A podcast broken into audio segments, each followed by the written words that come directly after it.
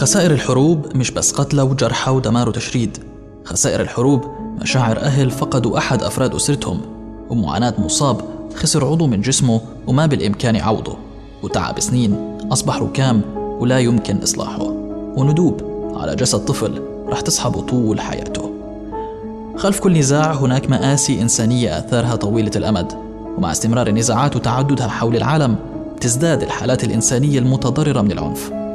بودكاست الرحلة هو سلسلة من القصص الإنسانية لأشخاص عانوا نتيجة الظروف المحيطة فيهم وبيستفيدوا من خدمات الرعاية الطبية والتأهيلية اللي بتقدمها منظمة أطباء بلا حدود لضحايا العنف والكوارث والأوبئة في أكثر من 70 دولة حول العالم. رحلة هالحلقة رح تكون لفلسطين.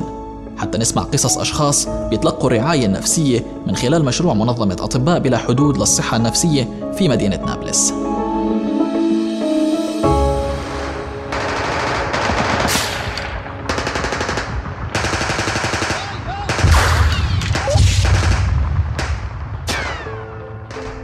تعمل منظمة أطباء بلا حدود في مدينة نابلس من سنة 2004 وبتوفر خدمات الرعاية النفسية للأشخاص المتضررين بسبب الاحتلال أو العنف الداخلي وبيعانوا إما من أثر جسدي ملحوظ أو آثار نفسية بسبب تعرضهم لصدمات مباشرة أو غير مباشرة. إم محمد شابة في منتصف الثلاثينيات من العمر تسكن في إحدى قرى نابلس وإم لست أطفال. توفي زوجها في حادث سير وهو في طريقه للعمل. الأمر اللي أدى لإصابتها بصدمة نفسية. كانت أجت جارتنا وبتقول لي جوزك تعمل حادث بقول لها شو عمل حادث كلي مات. أنا هيك أجتني يعني أجتني وكلهم وراهم يعني وراها. إيه عمي وخالي وكلهم يعني وأهلي وأخوتي وجاني يعني الخبر دمرت كثير تدمرت اغمى علي بعرف شو صار معي بعدها ما صحيت. ما بعرف شو صار معي. اتدهورت حالة أم محمد النفسية بعد وفاة زوجها وصارت شخصيتها انعزالية انعزلت عن الناس صرت أحب الوحدة صرت ما أحبش حدا. أظني طول النهار أعيط إيه، ما أعطيك أولاد ولا أعطيك حدا كل خلص انتهت حياتي. كل خلص يعني جوزي مات خلص انتهت حياتي. لا زال المجتمع الفلسطيني بيحتاج لتوعية حول أهمية الصحة النفسية خاصة أنه البعض يرفض فكرة العلاج النفسي. وبيربطوا الأمراض النفسية بالاختلالات العقلية. وهذا الأمر لمسته أم محمد في بدايات قدومها على جلسات العلاج النفسي مع منظمة أطباء بلا حدود أول إشي كانوا ضد بس لما صرت أخرفهم عن شو بتقدموا لي وشو بتساعدوني وبت هذا صاروا يعني تقبلوا شوي مش مثل الأول صاروا شوي يساعدوني. قولي آه روحي و... وأنت نفسيتك تعبانة عشان تتريحي. عانت أم محمد من مشاكل نفسية لمدة خمس أشهر بعد وفاة زوجها. لكن بعد أكثر من سبع أشهر من جلسات العلاج النفسي صار وضعها أفضل. أول جلسة جيت يعني طبعا فضفضت كثير فضفضت. وتريحت حسيت حالي هيك روحت تريحت.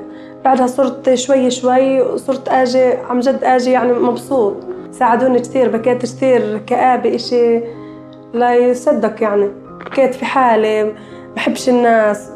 هسه الحمد لله صرت أحب الناس صرت أحب حدا يجي عندي صرت أعزم أروح أجي. شخصيتي كويت بالعكس بكيت شخصيتي كثير ضعيفة. صرت أتعامل مع الأولاد يعني أحسن. بكيت في الأول دائما عصبية كثير عصبية. ما أعطيك أولاد أخليهم متكاتلين وانزل من الدار. ما أعطيك يعني. والحمد لله هسه أحسن. تابعت الاختصاصية النفسية في منظمة أطباء بلا حدود وسام السايح حالة أم محمد وشهدت على تطورها في فترة العلاج. لما إجت آه، عندنا بدأنا التدخل النفسي الفردي معها ولأنها كانت تعاني من اكتئاب وصدمة نفسية آه، حولناها إلى الطبيب النفسي والأخصائي الاجتماعي لتتابع وضعهم الاجتماعي. بالإضافة لهيك حولت لنا أولادها اللي تعاملنا معهم بجلسات علاجية أسرية آه، كان يتم التعامل العلاجي معها بجلسات أسبوعية لمساعدتها على تقويتها وتمكينها والتخلص من أعراض الصدمة النفسية والأعراض الأخرى اللي لها علاقة بصعوبات النوم والاكتئاب والتوتر والغضب السريع. والآن هي آه، بعد جلسات علاجية الآن إحنا بالشهر السادس من المتابعة هي كثير كثير تحسنت. آه، صارت بتعرف تنام منيح آه، بتتعامل جيدا مع أطفالها شهيتها جيدة للأكل انفتحت إلى الحياة بطلت تهرب من مواجهة أبنائها ومشاكلهم خلقت حالة من العلاقة الجيدة داخل عائلتها. الأطفال بدأوا يعني كثير مرتاحين بطلوا يصيروا يهربوا من البيت. والآن هي بدأت تحكي لي إنها بتاخذ كمان دور الأب وهذا كثير مهم لتخفف الإحساس بالفقدان عن نفسها وعن أطفالها. ميلاد هو حالة أخرى بتتلقى الرعاية النفسية في مشروع منظمة أطباء بلا حدود للصحة النفسية في نابلس. ميلاد ابن السبع سنوات بيعاني من حالة خوف بتسيطر عليه نتيجة خوفه الدائم من هجمات المستوطنين على قريته. وهو السبب اللي خلى أمه تراجع طاقم المنظمة. الاعتداء المستوطنين كثر علينا. ساعتها الولد صار يخاف يعني يخاف ينام في غرفته بيلجأ لإلي ولأبوه ينام عندنا دايما. مع أخوته بتدشرهم عندي أصغر أنا. بس صغير ما بيعرف الخوف زي سن الولد. يعني بيطلع بالليل ما بتفرقش معه بأخته الأصغر. بس هو بخاف عنده أخوته الأكبر. في عنده بس مش زيه هو أكثر واحد. لأنه صار يعملها حال بالليل. يعني بناخذ على الحمام وبمنع من المي. ما بعد الساعة 6 بس إلا يعملها. عائلة ميلاد قدرت تتفهم حالته وتستوعبه على أمل إنه وضعه يتحسن.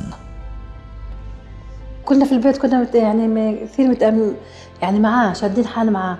عارفين إنه وضعه يعني إحساس الخوف. مش إنه هو يعني بيعملها حاله من حاله. يعني كلهم الاخو يعني أخوته. بس يعملها عادي عادي يا أخوي ما تخافش عادي ما بتحكيش أبوي بيحكيش فيش فيها شيء يساعدوه إنه بيعملها. يعرف إنه مش بايد الولد. غصب عنه يعملها. بكون نايم في الليل وغطي حاله. لما يغطي راسه بالصيف يخلص يعرفوا إنه الولد بخاف. عشان هيك يعني كلهم الحمد لله متفاهمين معاه في الدار. أثرت حالة الخوف على قدرات ميلاد الفردية وتسببت بخلق حالة من ضعف الشخصية وكمان على سلامة النطق عنده. بيوصف ميلاد أكثر المشاهد اللي بتصيبه بالهلع. لما يجوا يضربوا ملتوفان بخاف أو أو, أو يضخوا أو أسمع صوت الطخ هيك بخاف بشوف جبات جيش في بورين أو جيش بشان جيش بشان بيبقوا في الحارة. لما يدخلوا أو هيك لما أجوا على الحارة بلشوا يضربوا هذا بسيل دموع بهبط هاي السترة بروح على إركض يعني أروح على دار سيدي هيك بلاقيهم بقول لهم بدناش هيك بخاف.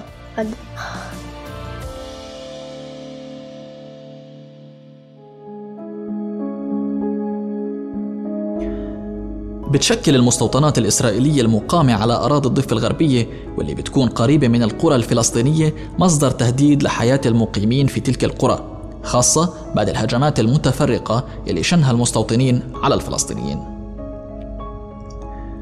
ميلاد بيحلم بمساحة آمنة يلعب فيها ويقضي فيها وقت مع أصدقائه إلا أنه حالة الخوف المستمرة من دخول قوات الاحتلال والمستوطنين على قريته تجبره على إيجاد بديل آخر. هلا رمود بالفون وهالي حاسب وهذول بلعب في سيارات. على الأرض. بيعالج الاختصاصيين النفسيين في منظمة أطباء بلا حدود الأطفال من خلال جلسات علاج نفسي بيكون جزء منها عن طريق اللعب بهدف تسهيل عملية العلاج. وبيشوف ميلاد إنه الألعاب بتخليه يبطل يفكر بالجيش وكمان هذا الشيء اللي أكدته يمه. بالنسبة لميلاد يعني عززت الثقة عنده ثقته في نفسه. بأنه صار شخصيته قوية. يعني بكون مثلا كان يتردد في الصف اليوم صار بيرفع إيده. بتلاقيه من أول ما يدخل معلم الصف بده هو يطلع يشارك. كان أول شيء في السؤال ما يطلع. اليوم لا بس مجرد ما ترفع المعلمة. تحكي السؤال على طول بجاوب معاها. وبحب دائما يتبع مع المعلمة يروح ويجي نفس نفس الشيء عندنا نروح بدنا غرض من البلد. أمرار كان ما كانش يحب يروح. اليوم بحب يروح يجيب اغراض بروح يلعب مع الجيران. بحب يعني قوى قوى شخصيته كثير. تعامله إحنا مبسوطين لهالشغله هاي. الاختصاص النفسي في منظمة أطباء بلا حدود سميح ملحيس بيتابع حالة ميلاد من خمس أشهر وبيعتبر أنه حالته في تحسن ولكنه بحاجة لمواصلة العلاج.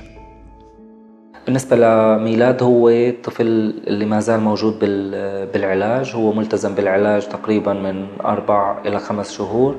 آه، العلاج لسه مستمر. أعراض الخوف إلى حد ما لسه موجودة صار في تحسن ولكن آه، التبول اللا إرادي لسه موجود. مرات مرات بيكون في تحسن مرات بترد ترجع المشكلة.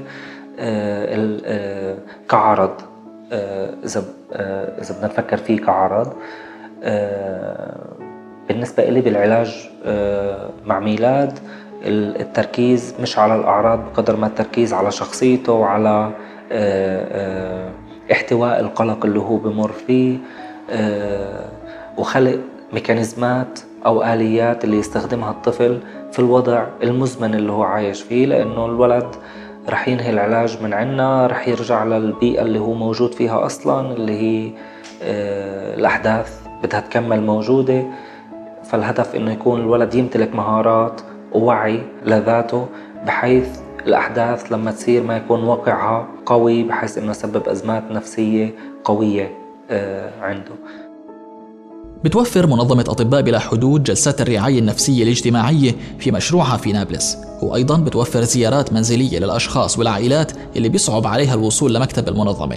وبتعمل كوادر منظمة أطباء بلا حدود على زيارات وأنشطة التواصل الخارجية للقرى والمخيمات لتعريف الأشخاص والسلطات المحلية بأنشطة الصحة النفسية وخدمات المنظمة. طبعا لخصوصية وجود الاحتلال هاي الأحداث الصادمة موجودة ومتكررة وجزء كتير كبير من الشعب الفلسطيني بواجهها وبالتالي هن عرضة لينشأ عندهم هذا الاضطراب.